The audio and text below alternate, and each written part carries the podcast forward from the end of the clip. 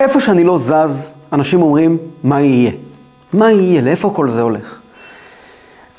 המחלוקת הגדולה, הטענות מפה ומשם, ומילים שפעם לא העזו להגיד ופתאום צפים על השולחן, מכאן ומכאן, בכלל לא משנה מאיזה צד. הכאב כל כך גדול, והאופטימיות שלנו שמשיח עומד להגיע, איך זה יכול להיות שמשיח יגיע לתוך כל הכאוס הזה? יכול להיות שאנשים כאלה ראויים לגאולה? אולי יש הרבה נושאים לדבר עליהם, אבל דבר אחד שאי אפשר לרגע להפסיק לחשוב עליו, וזה מה שהולך ברחובות. קשה לדבר על משהו אחר, קשה לחשוב על משהו אחר. המציאות היא שהמחלוקת הזו והמריבה הקולנית הזו היא דבר, בהגדרה, דבר מפחיד מאוד, ודבר שמטריד את מנוחתם של רובנו. וכבר שאלנו את השאלה בעבר, נשאל אותה שוב, מכיוון אחר אמנם, איך זה בדיוק עומד להסתיים? יש סיכוי שברגע אחד נהיה מוכנים לגאולה?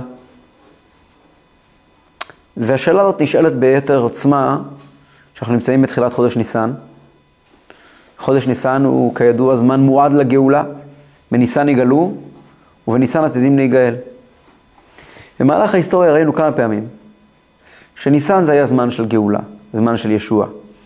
החל מהפעם הראשונה, ביציאת מצרים, וככה בכל אה, דור ודור, בהרבה דורות, כשם שתשעה באב זה זמן מועד לפורענות, גם חודש ניסן זה זמן מועד לגאולה. יש, היה פעם אחת שמשיח כמעט הגיע, שמתועד במקרא, הסיפור של אה, חזקיהו המלך, שביקש הקדוש ברוך הוא לעשות לו משיח. היה מצב קטסטרופלי, שהיה מצור על ירושלים, וסנחריב מלך בבל, אה, מלך אשור עמד על החומות, ובליל הסדר הסיפור התהפך, ויהי בחצי הלילה. ו... אבל יש הבדל בין כל הפעמים הקודמות לפעם הזו, שהפעם נדמה שלמרות שישנם רעשים, רעשי רקע חזקים מאוד מבחוץ, כל בר דעת מבין שהכאב הגדול הוא דווקא מבפנים. והשאלה היא, האם שייך, האם שייך שבבת אחת הכל, ישת... הכל ישתנה והכל יסתיים? והשאלה הזאת היא לא שאלה טכנית אה, ברמה המציאותית של איך אתה רואה שזה קורה, כי גאולה מעצם הווייתה היא דבר שקורה בבת אחת. אלא השאלה היא שאלה תיאולוגית. איך יכול להיות שכזה מצב של, שהדיבורים הם דיבורים כל כך uh, מפלגים וכל כך כאילו דקה לפני החורבן, או כמו, לא כאילו דקה לפני הגאולה. והדיבורים כל כך מפלגים וכל כך מרחיקים וכל כך, השפה היא כאילו, אתם, אתם לא אחים שלנו, משני הצדדים. ודיבורים מאוד מאוד מאוד קשים נגד, נגד המקום של הקדוש ברוך הוא בארץ ישראל, ונגד המקום של התורה בארץ ישראל, ושל הדת בארץ ישראל, ואפילו של יהודים בארץ ישראל. שהדבר הזה באמת כואב, הוא באמת כואב, ובאמת מצריך אה, תשובה ברורה, מה קורה כאן מבחינה תיאולוגית, מבחינה דתית, מה קורה כאן.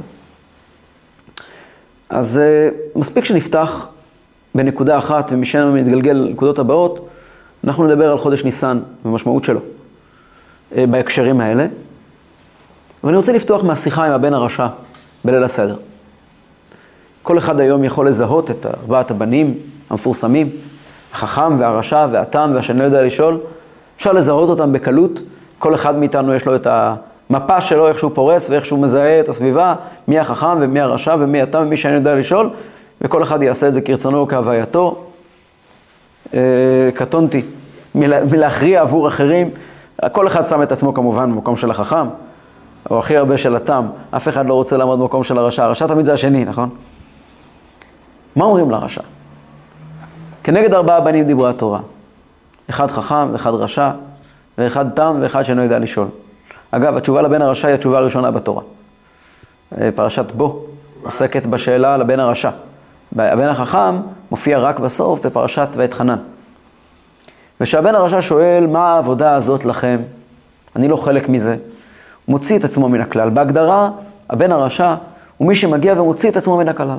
מגיע ואומר, זה לא הפירוש שהוא, זה לא רק, ש, זה לא רק שהוא כופר בתורה או במצוות, אלא הבעיה העיקרית איתו, כמו שהאגדה מדגישה, שהוא מוציא את עצמו מן הכלל, הוא אומר, אנחנו לא אחים. אל תחברו אותי עם הסיפור שלכם. אין לנו את אותו סיפור היסטורי. מה העבודה הזאת לכם? לכם ולא לו. ולפי שהוציא את עצמו מן הכלל, כפר בעיקר. נו, מה התשובה לבן הרשע? ואף אתה, הכה את שינה ואמור לו, בעבור זה עשה לי אלוקים. עשה לי אלוקים, אני גם מוציא את עצמי מן הכלל. עשה לי אלוקים, לי ולא לו. אילו היה שם, לא היה ניגל. מה הפירוש? מה התשובה? התורה אומרת לנו לענות לבן הרשע. התורה מצווה עלינו. כנגד ארבעה בנים דיברה תורה, יש לנו חובה להעביר את המורשת לדור הבא. והדור הבא יכול להיות חכם, ויכול להיות תם, ויכול להיות רשע, ושיכ... ויכול להיות גם שאני לא יודע לשאול, אבל כל אחד מאלו חובה עלינו להעביר לו את המסורת. מה המסורת שמעבירים לבן הרשע? שאתה באמת לא שייך? אילו היה שם לא היה נגאל, זה מה שאנחנו אומרים, זה מה שאנחנו הולכים לומר לבן שלנו? יש אה, בדיחה מפורסמת שאומרים שחכם, רשע, תם ושאני יודע לשאול זה ארבע דורות. ארבעה דורות. הדור הראשון היו חכמים גדולים. אחר כך הגיעה המרידה והדור של האפיקורסות הגדולה, של החלוצים וכל וה, ההתפכחות, אה, כן, במאה ה-19, זה הרשע. הילדים שלהם נולדו כבר לתוך זה, הם לא יודעים יותר מדי. אז זה תם. והבנים שלהם, שזה הדור שלנו בגדול, שאני לא יודע לשאול, הוא אפילו לא מתעניין. לא רק שהוא, לא רק שהוא שואל מה זאת, הוא אפילו לא מתעניין, אפילו לא מדבר עליו כל הסיפור. מה עונים אבל לבן הרשע? מה התשובה? איזה מין תשובה משונה זו? אילו היה שם לא היה נגאל? מישהו מאיתנו היה מעז לומר את זה לבן שלו? מישהו מאיתנו חושב שאפשר לקרוא לילד בתואר הכל כך נוראי בן רשע? הרבי, זכר צדיק וקדוש לברכה, קרא את התשובה לבן הרשע כתשובה חיובית מאוד. ואמר כאן אמירה עמוקה מאוד, שהיא גם אמירה חינוכית. אבל היא גם אמירה שנוגעת לחיים שלנו בכל פרט, וכפי שנמשיך בהמשך ונבין עד כמה זה נוגע. התשובה של הבן, כל אחד מארבעת הבנים מקבל תשובה מאוד מאוד עמוקה. אנחנו לא נתמקד הפעם בתשובה לבן החכם, שעליה, שהיא פורסת, אה, פרוסה על גבי ספרים ארוכים. מה עונים לבן החכם? מה השאלה של הבן החכם? מה עונים לבן הרשע? אומר הרבי, אומרים לו ככה, אתה שואל מה קרה הלילה הזה? אתה שואל למה אנחנו אוכלים מצה ומרור? אתה שואל מה הסיפור המשותף שלנו? אתה כל כך רוצה לצאת מהסיפור הזה? אתה כל כך רוצה להיות קוסמופוליטי? מה הקשר שלך לסיפור אתה שואל? אני אגיד לך. אני אספר לך איך אתה קשור לסיפור הזה. אתה יודע מה התשובה? אילו היה שם, לא היה ניגע. אבל אנחנו כבר לא שם. כשהיינו שם, לפני יציאת מצרים ומתן תורה, לפני שהייתה בחירה בעם ישראל, לפני שהובנו בחרת מכל עם ולשון, לפני שיצאנו משם, הייתה לך בחירה אם לצאת או לא לצאת. כשהיינו במצרים, אז כתוב בחז"ל, מפורש, שבזמן מכת, חוט... מכת חושך, כאשר היה חושך בעולם, מתו רוב עם ישראל, רוב בני ישראל.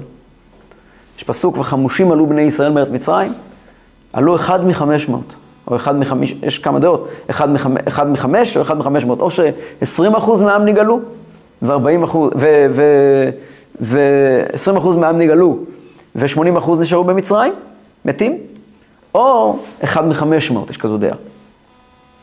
היו יהודים שלא נגאלו ממצרים. גם עם זה שיצאו ממצרים יצאו רשעים, אבל היו כאלה שבחרו שלא לצאת. אנשים שעמדו והתנגדו לגאולה. ואותם אנשים, הקדוש ברוך הוא אמר להם, אתם לא רוצים לצאת. יש לכם בחירה חופשית, אתם יכולים לבחור להישאר. ובאמת אותם אנשים, בזמן מכת חושך, כולם מתו, כך אומר המדרש, המדרשים כולם, שהמצרים לא יראו את זה, שזה לא יהיה פדיחה, אז כולם מתו במכת חושך, ואחרי זה יצאו רק חלק מעם ישראל ממצרים. אמרו לבן הרשע, להחליט לא להיות חלק, זה לפני הלילה הזה. זה שם. אבל אנחנו יצאנו משם. והגיענו הלילה הזה לאכול במצה ומרור. הגענו למצב של בחירת הקדוש ברוך הוא בנשמות ישראל. אחרי שהקדוש ברוך הוא בחר בנו, מכל העמים, ונתן לנו את תורתו, שזה מה שקורה בליל הסדר, ליל הסדר עד מתן תורה, אי אפשר לברוח מהגורל היהודי. אתה יכול להסתתר, אתה יכול לשים על עצמך הרבה מאוד מסכות, אבל זה לא יעזור לך. זה לא יעזור לך. ואם אתה חושב שזה יעזור לך, יבוא המן, הפרעה, ההיטלר, הסטלין התורני, ויזכיר לך שאתה גם חלק. שעם כל הפרצוף היפה שלך, אתה חלק מאיתנו. אילו היה שם, לא היה נגאל. אם אתה לא מאמין לי, אתה שואל אותי מה עושים הלילה הזה, למה? אתה רוצה להוציא את עצמך מן הכלל? too late, נולדת שלושת אלפים שנה מאוחר מדי. אתה כבר חלק. ואם אתה חלק, אתה בוודאי תיגאל. וזו האמירה הגדולה לבן הרשע, שאותה אני רוצה לפרק היום, ולנסות להבין מה קורה כאן. כדי להבין את זה, נפתח במחלוקת מעניינת בין שני חכמים, חכמים חשובים מאוד, רבי אליעזר ורבי יהושע. רבי אליעזר ורבי יהושע משקפים שתי אסכולות בסיסיות בתורה שבעל פה. הם חברים טובים, רבי אליעזר ורבי יהושע, יש ביניהם מחלוקות רבות, אבל הם חברים טובים בבסיס, שניהם תלמידים הקרובים של רבן יוחנן בן זכאי. רבן יוחנן בן זכאי היה מי שבזמן חורבן הבית ביקש מאספסיאנוס קיסר את תן לי יבנה וחכמיה, את המשכיות התורה שבעל פה, ומי שליווה אותו היו שניים, בעיקר שניים, רבי אליעזר ורבי יהושע. שניהם רבותיו של רבי עקיבא. רבי עקיבא הוא נחשב מקור כל התורה שבעל פה הכתובה. רבי אליעזר ורבי יהושע הם שני סוגי אנשים. רבי אליעזר הוא אדם מאוד קשה, מאוד קפדן. אפילו נאמר עליו בגמרא פעם אחת שהוא שמותי. הוא, לפי אחד הפירושים, הפירוש המילה שמותית, הוא מבית שמאי. למרות שהוא לא היה מבית שמאי, הוא היה מבית הלל, הוא היה תלמידו של רבי יוחנן בן זכאי, שהיה תלמידו של הלל הזקן, אבל הוא שייך, הוא נשמה של בית שמאי. ורבי יהושע היה אדם מאוד מאוד טוב לב ומאוד רך לבב ומאוד אה, פיקח ברמה מאוד מאוד פרקטית, והוא תמיד מסמל את הצד היותר של בית הלל. יש הרבה סיפורים עליהם בגמרא בסגנון הזה. למשל, יש סיפור ש... שניגשו פעם לרבי אליעזר, ושאלו אותו, שאל אותו גר אחד, כתוב בתורה שהקדוש ברוך הוא אוהב גר, לתת לו לחם ושמלה. זה מה שהקדוש ברוך הוא נותן לגרים, בן אדם הזניח, הניח את כל טובת חייו, והלך לדבוק בעם ישראל ומקבל מהקדוש ברוך הוא לחם ושמלה, לחם ושלמה. אומר לו רבי אליעזר, מה יש? יעקב אבינו, מה הוא מבקש? יעקב אבינו בא לצאת, מבקש מהקדוש ברוך הוא, תעזור לי, מה מבקש מהקדוש ברוך הוא? אם יהיה אלוקים עמדי ונתן לי לחם לאכול ובגד ללבוש. הקדוש ברוך הוא, יעקב אבינו מתחנן, תן לי לחם לאכול ובגד ללבוש. מגיע הקדוש ברוך הוא ואומר לגר, קח, אני מבטיח לך שלא יחסר לך לחם לאכול ובגד ללבוש. מה, תפסיק לעשות סצנות, אתה קיבלת מה שמגיע לך שקט. הגר לא קיבל את התשובה של רבי אליעזר. הוא הלך לרבי יהושע. רבי יהושע אומר לו, מה, אתה לא מבין מה כתוב כאן? אוהב גר לתת לו לחם ושמלה, הכוונה, לחם הכוונה היא תורה. כמו שכתוב, לכו לחמו בלחמי ושתו יין לשיחתי. יין, התורה נקראת לחם, היא מזינה את האדם. הגר יבוא ויאמר, אני הגעתי ליהדות בגיל מבוגר, אולי אני לא אוכל ללמוד תורה, אומר לו הקדוש ברוך הוא, אני אעזור לך, נתן לו לחם. מה זה שמלה? שלמה? שלמה זה איצטלה, זה בגד תלמידי חכמים. כלומר, מעמד. יבוא הגר ויאמר, אני, אין לי סיכוי להגיע לאיזושהי דרגה גבוהה, לאיזשהו מעמד בין אנשים. אומר לו הקדוש ברוך הוא, אני אתן לך, אני אוהב אותך, אני אתן לך את האפשרויות להתקדם מהר מאוד, ואפילו להשיג איזשהו קרדיט, איזשהו מעמד חשוב בחברה, איזה מקום של תלמיד חכם אמיתי ומוכר. אותו גר אמר, אם הייתי הולך רק לרבי אליעזר, הייתי חוזר לסורי. הייתי מאבד את, ה, את, ה, את, את הקשר שלי עם, עם, עם עם ישראל. ובאמת, האופי שלהם, רואים את זה בהרבה דברים, זה רק דוגמאות, מה שכעת הבאתי. רבי אליעזר תמיד בקו יותר נוקשה, קפדני, אה, דקדקני, גם ברמה החיובית כמובן, כן, לא ברמה, אה, סוף חייו של רבי אליעזר, הוא נפטר כשחכמים שמו אותו בנידוי, כי הוא עמד על האמת שלו, ולא היה מוכן להתפשר עם דעת הרוב, מאוד מאפיין את בית שמאי כמובן, ו, ורבי יהושע, כל חייו היה עסוק בלייצג את עם ישראל בכל מקום, היה אדם שמאוד אה, מאוד העריכו אותו, ושניהם יחד, הם, הם, הם, הם, הם העמודים שעליהם עומדת התורה שבעל פה. ויש ביניהם כמה מחלוקות שקשורות אחת עם השנייה. מחלוקת אחת שנוגעת לתקופה שלנו כעת, רבי אליעזר אומר, בתשרי נגלו, בניסן נגאלו אבותינו ממצרים, ובתשרי עתידין להיגאל. הגאולה היא הרי בקול שופר, השם אלוקים בשופר יתקע והלך בסערות תימן, תקע בשופר גדול לחירותנו. שופרות זה עניין של חודש תשרי.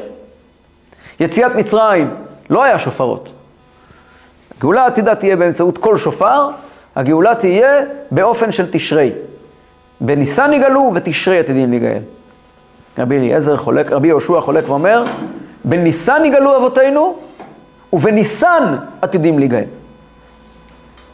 יש מחלוקת אחרת, שהיא בעצם הבסיס של המחלוקת הזו, בין רבי אליעזר לרבי יהושע. רבי אליעזר אומר, הגאולה תהיה רק על ידי תשובה. אם עושים תשובה נגאלים, ואם לא עושים תשובה, לא נגאלים. על ידי תשובה עם ישראל יגאל. רבי יהושע אומר, יש פסוק שאומר לא בכסף תגאלון. כסף הכוונה היא כיסופים, גם בלי תשובה. בין הם עשו תשובה ובין אם לא עשו תשובה, בין כך ובין כך נגאלים. ורבי אליעזר, רבי יהושע פונה לרבי אליעזר ואומר לו, אתה שאומר שרק על ידי תשובה נגאלים, מה יהיה אם עם ישראל לא יעשה תשובה? הם לא יגאלו. הקדוש ברוך הוא הבטיח לגאול את עם ישראל. אומר לו רבי אליעזר, הקדוש ברוך הוא מעמיד עליהם מלך קשה כאמן, והם יעשו תשובה. ירצו או לא ירצו, הם יעשו תשובה.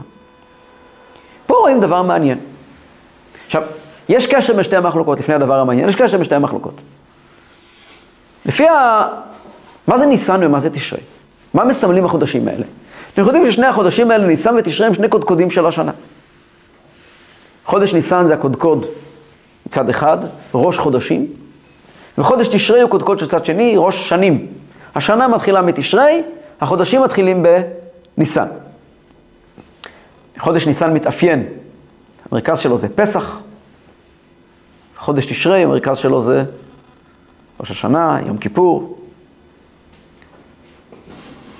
ההבדל ביניהם הוא, חודש, יש מדרש מפורסם שאומר, חכה רגע עם המדרש. ההבדל ביניהם הוא, חודש ניסן הוא החודש שבו אנחנו עוברים למצב קיץ. ובחודש ניסן אנחנו מתפללים מוריד הטל.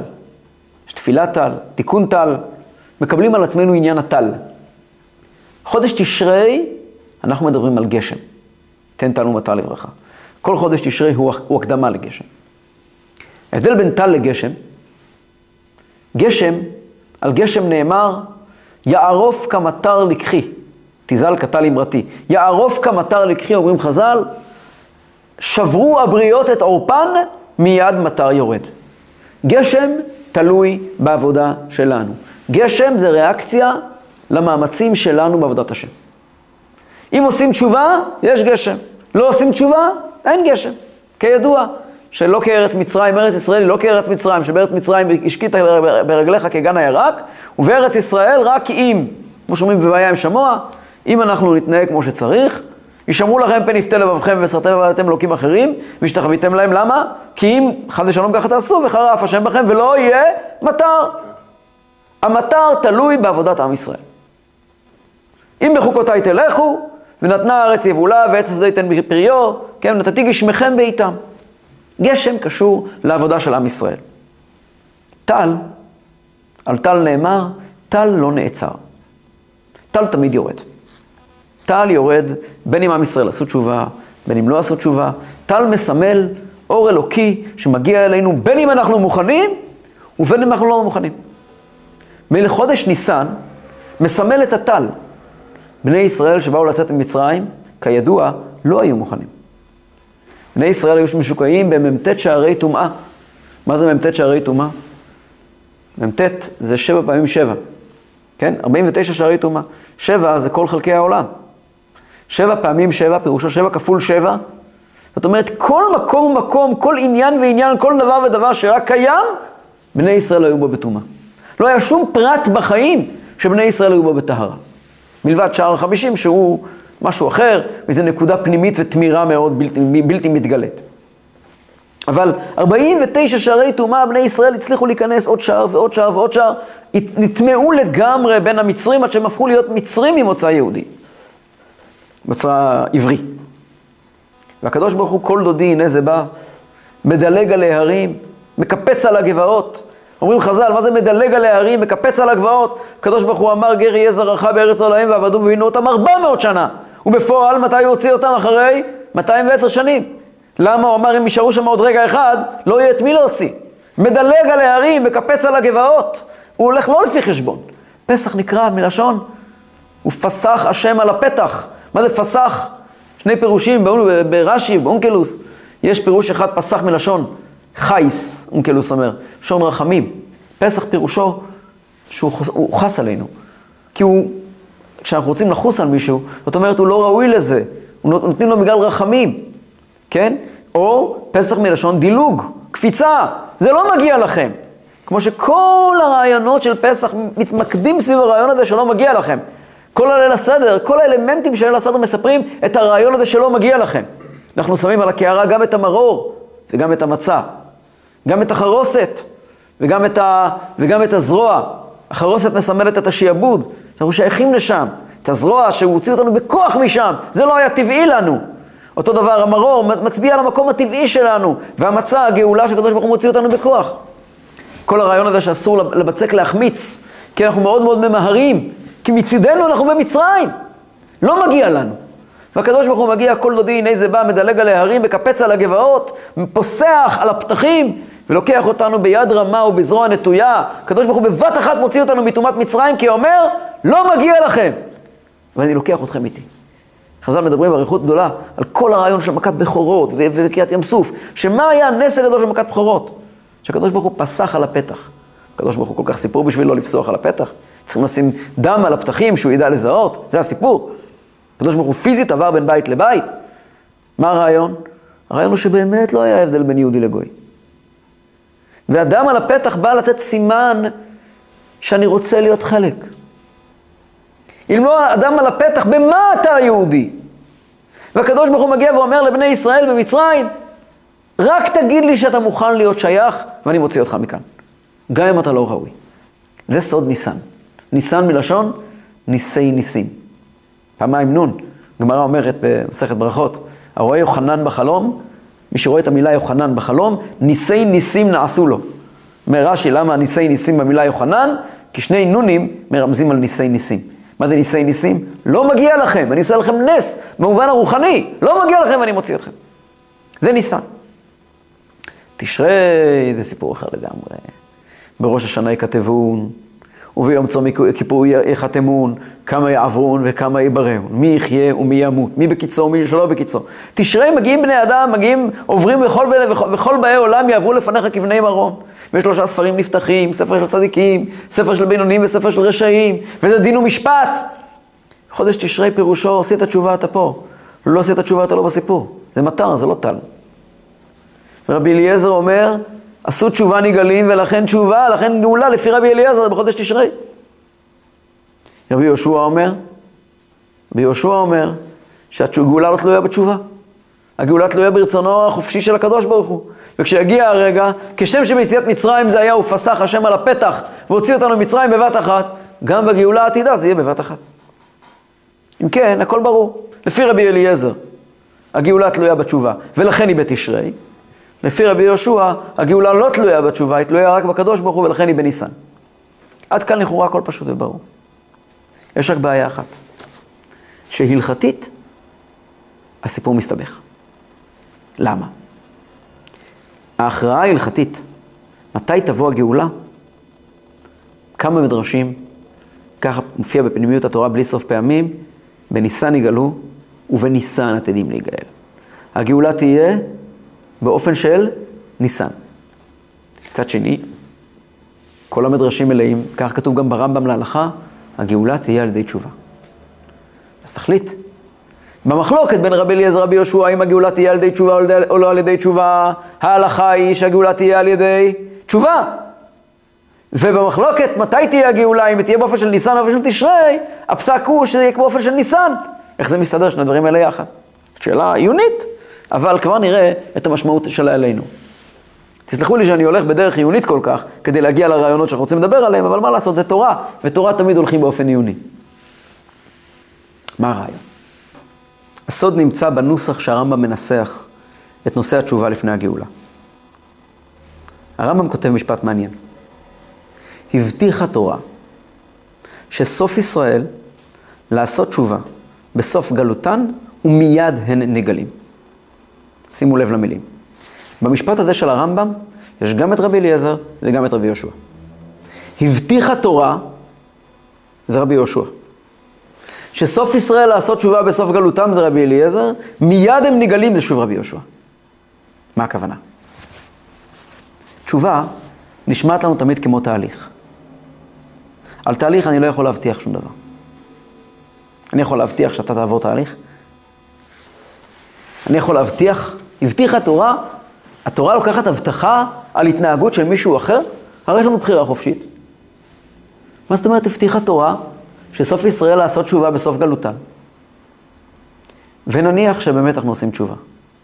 מה שנראה לכאורה כל כך רחוק מהעיניים ומהלב, מההיגיון, אבל נניח. זה יקרה ביום אחד?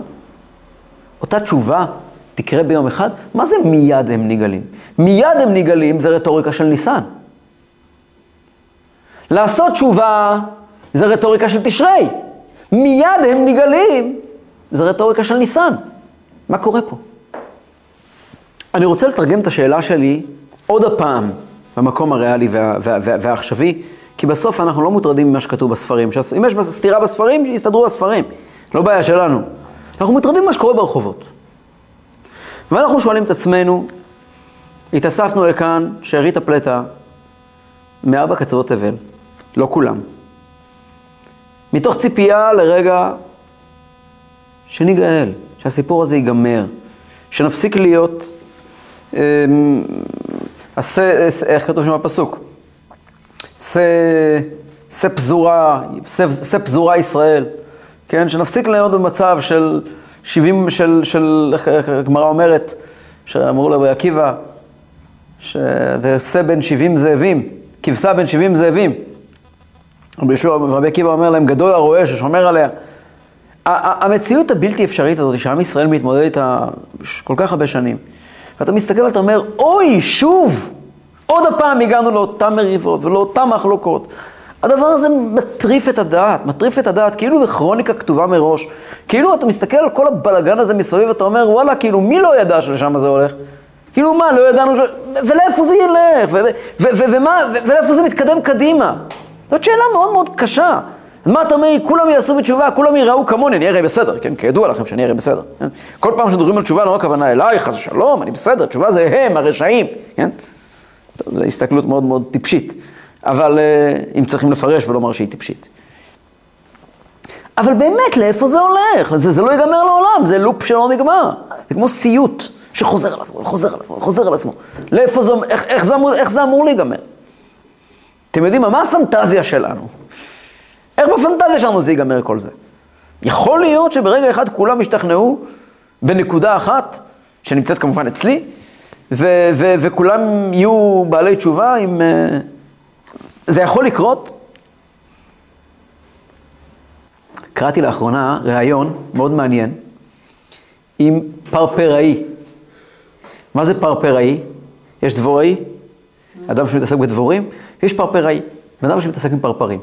בחור נחמד, אה, בחור בשם וולפסון, שגר בקריית גת, והוא מורה. בעל תשובה? לא. מדהים.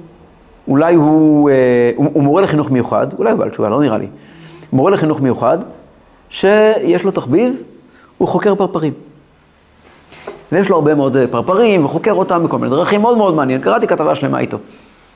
ובין היתר הוא מספר שיש לו איזה סיפור שהוא הולך איתו, שהיה פעם איזה מורה זקן, שהראה, הראה, הראה ל, ל, לילד, תראה את הגולם של הפרפר, הוא מסתכל, הוא שואל אותו, אבא מה זה או סבא מה זה? הוא אומר לו, זה גולם של פרפר, תסתכל עליו, אבל אל תיגע בו. אני אומר, תן לי איזה, אני רוצה לראות איך הוא בוקע מן מה, מה, מהגולם. אומר לו, הסבא, אני לא מוכן לתת לך את זה. כי אתה בסוף אתה תיגע שם, אתה תעזור לו. אל תיגע שם. תן לדברים לקרות לבד. לא, אני לא אגע, אני לא אגע.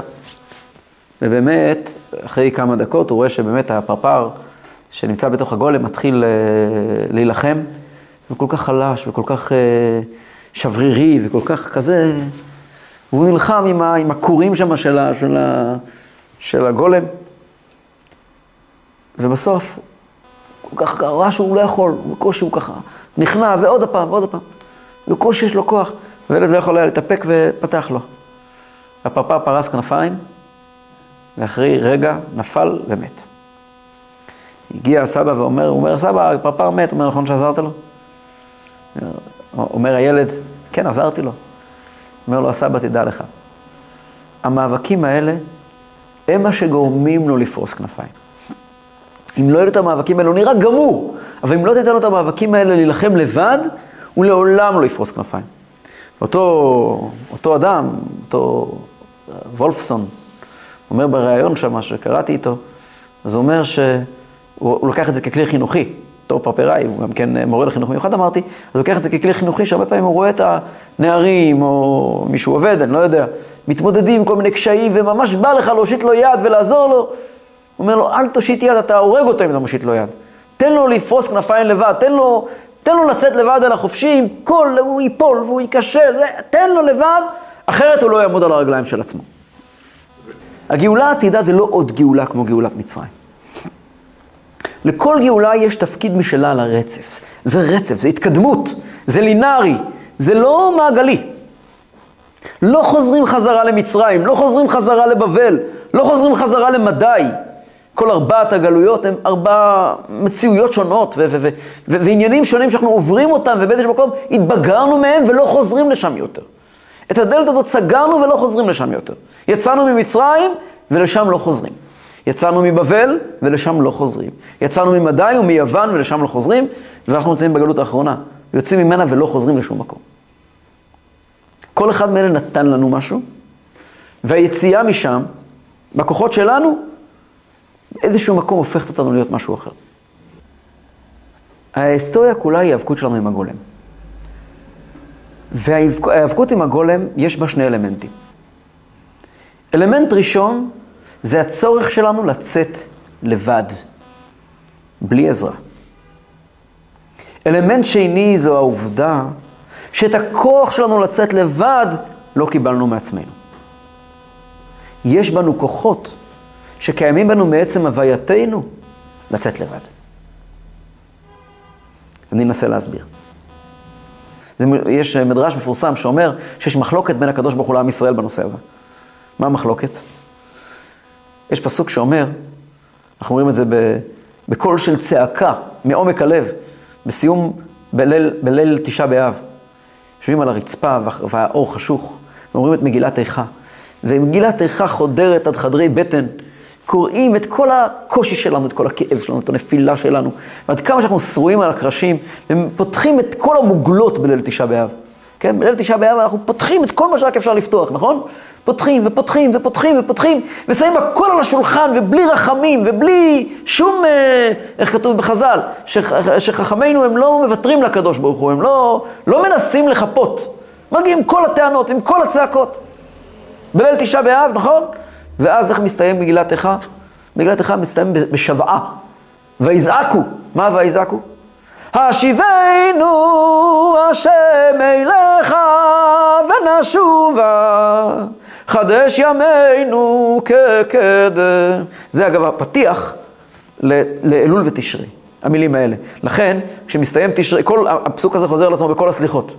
השיבנו השם אליך ונשובה, חדש כקדם, ואחר כך בשמחת תורה, כשמנצחים בסוף בסוף, באותו מנגינה מכריזים, אתה הורית לדעת. כי השם הוא האלו, ככה הולכים לרקוד עם התורה. טוב, זה תשרי, אלול תשרי, אב אלול תשרי, מתחיל בזעקה, השיבנו השם אליך ונשובה, חדש ימינו כקדם.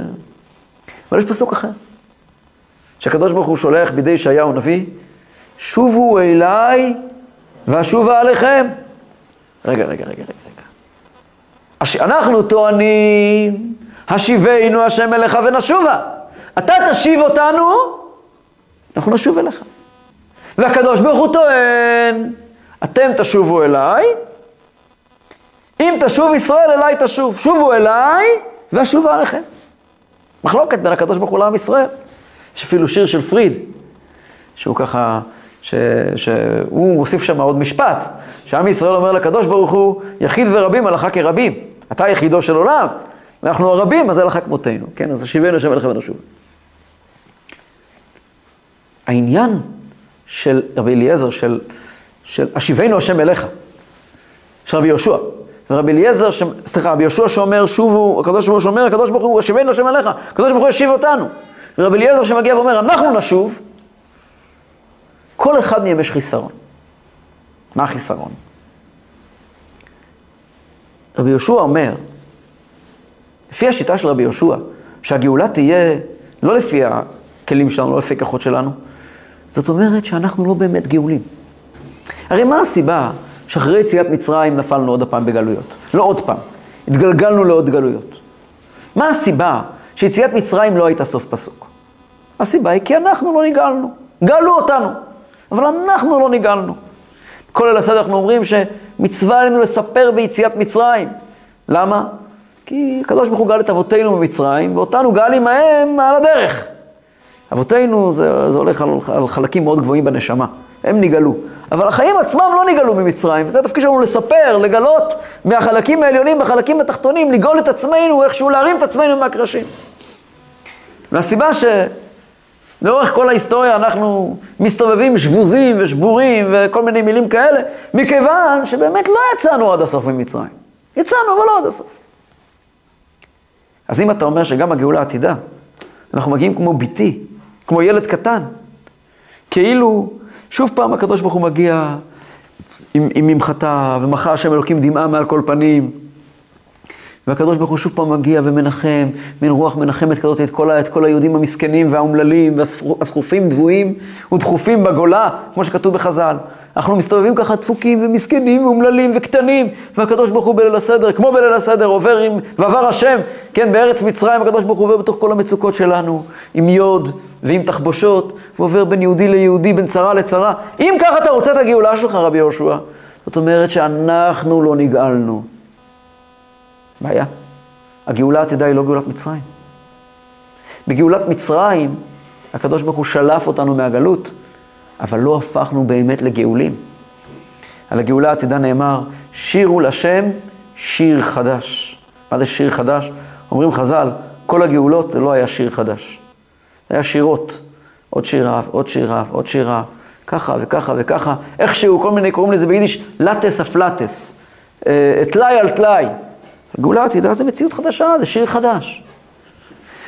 משהו חדש מתחיל, משהו שמעולם לא היה ומשהו שממנו אי אפשר ליפול. ואיך זה יכול לקרות כשזה מישהו מגיע לעזור לך, כשמישהו בא לשחרר את הפרפר? הפרפר יוכל לפרוס כנפיים אם מישהו בא לשחרר אותו? יש פה בעיה, לפי רבי יהושע. גם לפי רבי אליעזר יש בעיה. מה הבעיה לפי רבי אליעזר? רבי אליעזר אומר שהגאולה תבוא על ידי התשובה שלנו. הכל טוב. באמת מכבד עם ישראל, יש לו זכויות גדולות ומעלות גדולות, נכון. אבל האם הגאולה תהיה רק בגובה, אה, אה, איך זה נקרא, חוק כלים שלובים, עם המצב של בני ישראל? הגאולה היא סך הכל אנחנו? האם באמת לא צריכים את הקדוש ברוך הוא כדי להיגאל? האם הסך הכל זה מה שאנחנו עשינו? חייב להיות שמשהו הרבה יותר עוצמתי. העוצמות נמצאות אצל רבי יהושע. האמת נמצאת אצל רבי אליעזר. הגאולה צריכה להיות גם אמיתית וגם שלמה. איך זה יכול להיות ביחד? פה מגיע הסוד, בניסן יגאלו, בניסן עתידים להיגאל, אבל לא באותו ניסן. יש הבדל גדול. ההיסטוריה שינתה אותנו מבפנים. כל עם ישראל שעומדים היום ומפגינים ברחובות, ואתם רואים אותם פה ושם, אלו, כמו שדיברנו מקודם, אנשים שעברו על גבם, הם נושאים על גבם דורות על גבי דורות של יהודים שומרי מצוות במסירות נפש. תיקחו את כל אחד מהמפגינים האלה שצועק נגד התורה ונגד היהדות, ותבררו איתו מי היה סבא שלו וסבתא שלו. ותבררו איתו למה יש לו ברית מילה. ולמה הוא מל את הבן שלו. והחברים צוחקים. ויגיד לך, אה? הוא לא חייב. לא, שלו. אז זה כבר, אז זה כבר הקדוש ברוך הוא הגזים, מה שנקרא. אם מישהו לא מל את הבן שלו, אם מישהו לא מל את הבן שלו, השם היחידי בזה, זה הקדוש ברוך הוא. שעדיין לא גאל אותנו. כל פעם שקורה איזה שיהודי מקיים כן איזושהי מצווה, בהסתכלות אמיתית, זה הרי פלא. איך זה יכול להיות אחרי כל כך הרבה שנים של גלות? ובכל זאת, ובכל זאת, יהודים מתעקשים בשביל היהדות שלהם. יהודים מתעקשים בשביל האמת שלהם בצורה כזאת, בצורה אחרת, ותאמיני לי, יש להם את כל התירוצים הכי טובים, למה לא לקיים תורה ומצוות יש להם. יכולים להסתכל על הנציגים שמייצגים את היהדות, ויגיד ככה הם נראים, אז למה אתה רוצה מאיתנו שאנחנו נהיה דתיים? למה אתה רוצה מאיתנו שנעבוד את הקדוש ברוך הוא אם ככה נראים הנציגים שלו? יש להם את הסיבות הכי טובות לכעוס. והם אנשים שהם הקריבו את חלבם ודמם עבור עם ישראל. אתה שואל אותם, למה אתה גר כאן בכלל? למה אתה נלחם על הבית? למה אתה גר כאן בכלל? תעבור לברלין. מה פירוש למה אני גר פה? זה הבית שלי, אני חי חלק מעם ישראל, אני לא יכול להשתחרר מהזהות הזו. זאת אומרת שבמובן הכי עמוק, הם עברו ועוברים תהליכים פנימיים, כל אחד כזה, הוא הרי קומה על גבי קומה על גבי קומה, הוא שכבה, שכבה על גבי שכבה על גבי שכבה של יהודי שמקושר עם הקדוש ברוך הוא בכל מהותו. אתה לא יכול למחוק את מה שהגלות עשתה לעם ישראל, במובן החיובי. אתה לא יכול למחוק את הפרפר הזה שיצא, מה, מה, מה, פרח, מה, בקע מה, מה, מהגולם, נאבק ונאבק ונאבק וקנה משהו באמת. הוא קנה משהו באמת. זה רבי אליעזר. גאולה תבוא רק על ידי תשובה. אבל תגיד לי, האם התעופה של אותו פרפר רגע אחרי שהוא יוצא מה, מהגולם, היא בגלל המאבקים שלו? מה פתאום? הקדוש ברוך הוא נטע בו כוח להתעופף. אלמלא המאבקים שלו זה לא יהיה שלו, אבל הכוח לא עוף הוא לא שלו. עוף גוזל, חתוך את השמיים, לא בגלל שאני לימדתי אותך לעוף, אלא כי אתה נשר. לכן אתה יכול לעוף. ולכן הגאולה תהיה על ידי תשובה בחודש ניסן. מצד אחד הגאולה תהיה באופן של תשובה. ברגע אחד, כאשר הקדוש ברוך הוא ישחוט את היצר הרע, ברגע אחד של בהירות, כולם יסתכלו ויגידו, הרי זה מי שאני תמיד הייתי. זה רגע אחד, הבטיחה תורה. זה רגע אחד. אבל באותו רגע יתברר שאת זה אנחנו עשינו. כאשר תבוא הגאולה יתברר שאותם יהודים שכביכול נראים רחוקים מהשם בתורתו, רק כאילו היה שם לא היה נגאל. אבל עכשיו אין להם ברירה, הם רוצים להיגאל. הם רוצים להיגאל, פשוט הם לא למדו את המילים האלה מעולם בבית ספר. הם עברו כזו ילדות וקיבלו כזו חוויית יהדות באשמתנו, שהם לא יודעים שעל זה מדובר. אבל ברגע שהקדוש ברוך הוא יחליט, ויגיע אותו רגע שמגיע הגאולה, ויהי בחצי הלילה, כשיגיע אותו רגע, לא חצי הלילה, זה יכול לקרות הרבה קודם, כן? אנחנו נמצאים עכשיו בחודש ניסן, כשיגיע הרגע שהקדוש ברוך הוא יחליט לפתוח את השמיים ולגמור את הסיפור הזה אחת ולתמיד, באותה שנייה כל הפרפרים יעופו. יעופו בכוחות שלהם שהם קיבלו מלמעלה. גם תשובה וגם ניסן. והרבי אומר כאן סוד גדול. דווקא בניסן. למה דווקא בניסן? יש מעלה בביתי שאין, שאין, שאין באימי. יש מעלה בקטנות שאין בגדלות. מה המעלה? כל זמן שבני ישראל עבדו את השם בבית המקדש, בדורות קודמים, עם השכל, עם הדעת, היה דיאלוג בין האדם לאלוקים. והדיאלוג הזה שיקף כאילו שהאדם לא לגמרי הפך להיות אלוקי. הגאולה, אנחנו אמורים להתאחד עם הקדוש ברוך הוא. כשנמצא יהודי, שאנחנו שומעים על קומיקאי בתל אביב, שבאופן מאוד רציונלי ומאוד הגיוני, יושב ועושה צחוק מיהדות. מכיוון, מכל הסיבות הטובות. באמת מכל הסיבות. הקדוש ברוך הוא סיפק, סיפק לו את כל הסיבות הטובות. כמו שהגמרא אומרת, ש, שחזה, ש, שאמרו לקדוש ברוך הוא, הנביאים אמרו לקדוש ברוך הוא, ואתה, אליהו הנביא אמר לקדוש ברוך הוא, ואתה סיבות את ליבם אחורנית. אליהו הנביא אומר לקדוש ברוך הוא, אתה יודע מי אשם בזה שכל עם ישראל עובדים את הבעל? אומר לקדוש ברוך הוא, ואתה, אתה הסיבות את ליבם אחורנית. אתה אשם בזה. אתה, כך כתוב בחז"ל. בפסוק, ככה חז"ל מפרשים, פשוט מפרשים, מפרשים את הפסוק בספר מלכים. אומר, מי ברא את היצר הרע? מי ברא את הגלות? מי ברא את כל הכאב לב הזה? מי ברא את כל הנראות הזאת? מי ברא את זה? מי ברא את המציאות הזאת? ש... זה הקדוש ברוך הוא עשה את זה. אם אני באמת בנים הסמוכים על שולחן אביהם, אם אנחנו באמת בנים של הקדוש ברוך הוא, בנים למקום, בנים אתם להשם אלוקיכם, אנחנו לא אמורים לקבל חוויית יהדות כזאת, מפגש כזה מוזר עם הקדוש ברוך הוא. אתה אשם בזה. אתה הסיבות את ליבם אחורנית, אומר אליהו הנביא. וברגע שהקדוש ברוך הוא יאר השם פניו אליך ויחונקה, וברגע שהקדוש ברוך הוא יצא מה, מה, מה, מהתחפושת שלו, יצא, מה, יצא מה, מהפרגוד, באותו רגע, ואמר ביום ההוא, הנה אלוקינו זה, קיווינו לו ויושיענו. זה השם קיווינו לו. נגילה ונשמחה בישועתו. מי אומר זה השם קיווינו לו? הרבנים? ראשי הישיבות? ואמר ביום ההוא כל יהודי ויהודי, כל אחד ואחד, יהודי שנמצאים ילד החכה בקצה השמיים, משם יקבצך השם אלוקיך ומשם יקחך, והביאך אל הארץ אשר ישבו אבותיך, וירישת, והיטיבך מאבותיך. יאמר היהודי, כי לא יידח ממנו נידח, יאמר היהודי שנמצא בקצה הרוחני הרחוק ביותר, קצה השמיים. יעמוד אותו יהודי בקצה השמיים ויאמר, ואמר ביום ההוא, אומר הנביא ישעיהו, הנה אלוקינו זה, לזה חיכיתי כל הזמן, זה השם קיווינו לו. כי מה יקרה? יתגלה מי אתה באמת. ואז, דווקא בגלל שזה ביתי, דווקא כי זה לא מגיע מתוך תודעה, דווקא כי זה לא מגיע מתוך זה שאני ישבתי ועכשיו החלטתי והגעתי למסקנה שיש הקדוש ברוך הוא בעולם, אלא דווקא כמו בת, כמו ילד קטן, מזהה שזאת הזהות האמיתית שלי תמיד.